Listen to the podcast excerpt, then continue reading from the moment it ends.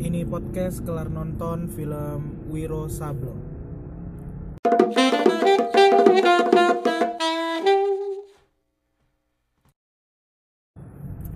Oke, habis kali ini gue baru kelar nonton film Wiro Sableng ya nggak terlalu kelar-kelar banget, maksudnya nggak nggak langsung. eh kenapa gue pengen nonton film Wiro Sableng? Eh, apa judul film fullnya? Wiro Sableng, Pendekar, Kapak Naga Geni Sakti 212 ya itulah ya. Eh, karena sejujurnya ya gue nggak ngikutin film Wiro Sableng dulu. Bahkan yang sinetronnya itu ya gue nggak ngikutin. Tapi gue tahu. Nah melihat tren sedang apa ya tren remake remake ini ya eh, dan Wiro Sableng dulu cukup eh, populer gitu ya. Gue jadi tertarik aja nonton untuk nonton filmnya Terus eh, ya ini film Wiro Sableng yang pendekar tapak naga sati, ah ya itulah ya pendekar naga geni ini. eh ceritanya tentang Wiro Sableng. Jadi ya Wiro Sableng awalnya cerita kenapa dia jadi Wiro Sableng dan eh, misinya adalah eh apa? Dia mengalahkan Mahesa Birawa. Mahesa Birawa ini eh, muridnya si Sinto Gendeng yang uh, membangkang terus uh, juga membunuh uh, siapa? Orang tuanya. Dan kayaknya kalau ngelihat film seluruhannya ya kayaknya ini akan jadi film uh, serial gitu apa bukan sequel gitu ya. Karena di akhirnya ada lagi nih di uh, kredit akhir after kreditnya tuh ada lagi nih musuh selanjutnya lagi musuh selanjutnya lagi musuh selanjutnya lagi lah satu ya. Gitu. Uh, positifnya dari film ini menurut gue gambarnya bagus banget. Dia seperti yang kalian tahu ini dia kerjasama dengan uh, 20 century 20 century Fox. Itulah ya. Fox 20 century itu 20 century Fox. Ya itulah. Uh, Hollywood terkenal banget di Hollywood. Udah bikin banyak banget film dan dia kerjasama dengan Falcon Pictures ya kayaknya ya yang uh, ngangkat. Atau bukan? Ya sorry gue nggak nggak inget untuk ngangkat film Wiro Sableng ini. Buktinya ya Wiro Sableng ini bahkan kalau kalian ingat di Deadpool ada juga dia muncul iklannya terus di banyak banget banyak banget. Ya itu menunjukkan betapa modalnya film ini. Dan hasilnya gambarnya bagus banget. Menurut gua uh, kalau ada yang gue pernah baca di Twitter uh, ah filmnya kayak Angling Dharma Indosiar gitu. Menurut gue kenapa di kalian berpikir seperti itu atau orang-orang mikir seperti itu? Karena memang setnya hutan setnya set hutan jadul pen, ala-ala pendekar gitu. Memang ceritanya seperti itu gitu. Makanya uh, ya jadinya ya ada Sinto Gendeng terbang Wiro Sableng terbang apa segala macam ya karena ceritanya seperti itu setnya seperti itu gitu. Masa Wiro Sableng mau uh, terbang-terbangan di atas gedung-gedung kan nggak mungkin kayak Spider-Man gitu kan nggak mungkin. Setnya aja memang hutan gitu. Kenapa itulah kenapa ya kalau mereka yang masih mikir kayak Angling Dharma sih ya ya nggak nggak akan siap lah ngelihat kemajuan film Indonesia kayaknya ya, terus positifnya lagi menurut gue ceritanya menarik. Gue nggak ya sejujurnya gue nggak ngikutin Wiro Sableng gitu tapi gue tertarik gitu dengan petualangannya Wiro Sableng di cerita di film ini. Uh, dia kenapa jadi Wiro Sableng terus uh, dari mana kapaknya itu terus ketemu temannya Anggini dan Bujang Gila Tapak Sakti terus uh, akhirnya dia menjalankan misi dan yang bener gue seneng adalah Vino Gewastian yang jadi Wiro Sableng. Beneran Sableng gitu.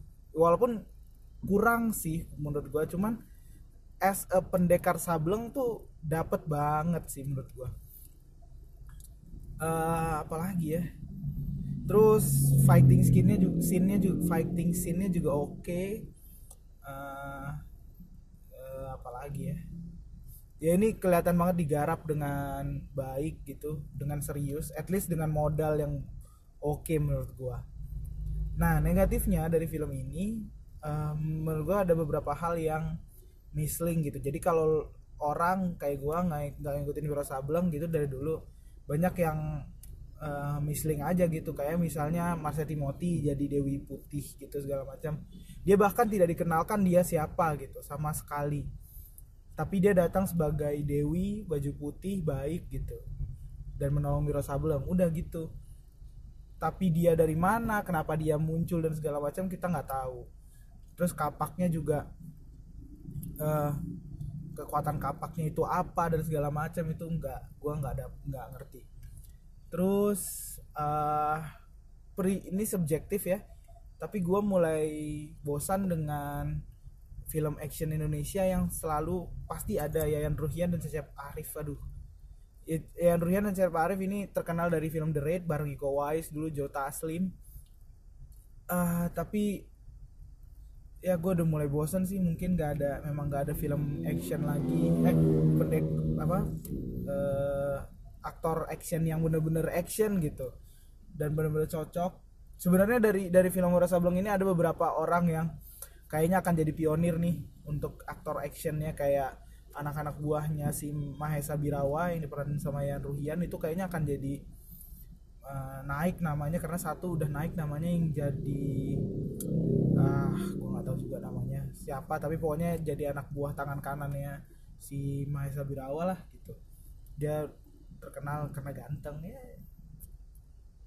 Terus apalagi ya negatifnya ah, beberapa orang nggak beberapa orang sih. Sebenarnya Sherina doang yang menurut gua aktingnya kaku banget ya. Eh, kayak memang kayaknya udah lama nggak acting terus tiba-tiba acting dengan harus action juga. Eh ya kurang menarik lah. Gitu nggak nggak seperti sebenarnya dari dari pas iklan yang di Deadpool itu gue udah ngeliat sih ini Sherina actingnya gini banget gitu cuman eh, nggak tahu emang karakter seperti itu tidak dijelaskan atau memang Sherinanya yang kurang actingnya ya gitulah. Terus eh, apa lagi ya? Eh, scene stealer mungkin scene stealernya menurut gue ada dua orang yang gue suka banget. Yang pertama Bujang Gila Tapak Sakti yang diperanin sama Faris Alfarizi kalau nggak salah gue gue search namanya kemarin. Eh ini menarik banget sih bener-bener gila dan sakti gitu. Eh, gimana orang gendut bisa naik pohon tuh gimana ya? Bisa terbang-terbang. Dan actingnya eh, sorry fightingnya juga oke dia. Karena ternyata dia kalau gue baca memang mantan pesilat apa pendekar gitu. Apa masih gue juga nggak tahu. Tapi oke gitu pas dia terakhir lawan Cecep Arif itu juga keren menurut gue dan yang kedua ini sebenarnya dia tidak tidak banyak eh, apa ya tidak banyak scene-nya gitu. Cuman berapa paling dua apa tiga. Cuman yang menurut gue tertarik adalah karena gue orangnya kalau nonton film gue suka nebak-nebak gitu. Oh ini uh, aslinya si ini nih aslinya si ini nih. Dan dan tokoh ini gue nggak tahu siapa sampai akhirnya gue tungguin kredit titlenya. Yaitu adalah Dewa Tuak Dewa Tuak ini adalah gurunya si Anggini pernah sama Sherina. Nah lu lihat deh eh, siapa yang meranin. Kalau gue nggak salah baca Dewa Tuak ini adalah seorang vokalis nyentrik. Yang gue kenapa dia jadi sinsilar? Karena dia oh mainnya bagus dan gue kaget itu dia gitu. Ini kalau gue nggak salah lihat ya. Menarik sekali gitu. So kesimpulannya eh, menarik untuk diikuti Wiro Sableng ini. Gue berharap banyak sih untuk sequel sequel selanjutnya kalau ada at least pasti ada sequel selanjutnya karena dari after creditnya harusnya eh, kelihatan gitu. Eh, secara umum menurut gue nilainya tujuh setengah.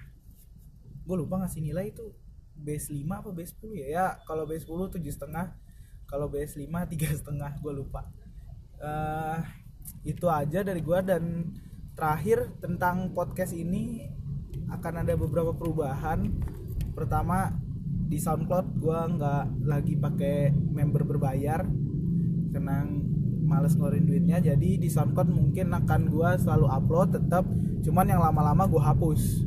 Nah kalau kalian memang ada yang ngikutin ya memang ada yang ngikutin kalian bisa eh, cek di anchor.fm slash kelar strip nonton.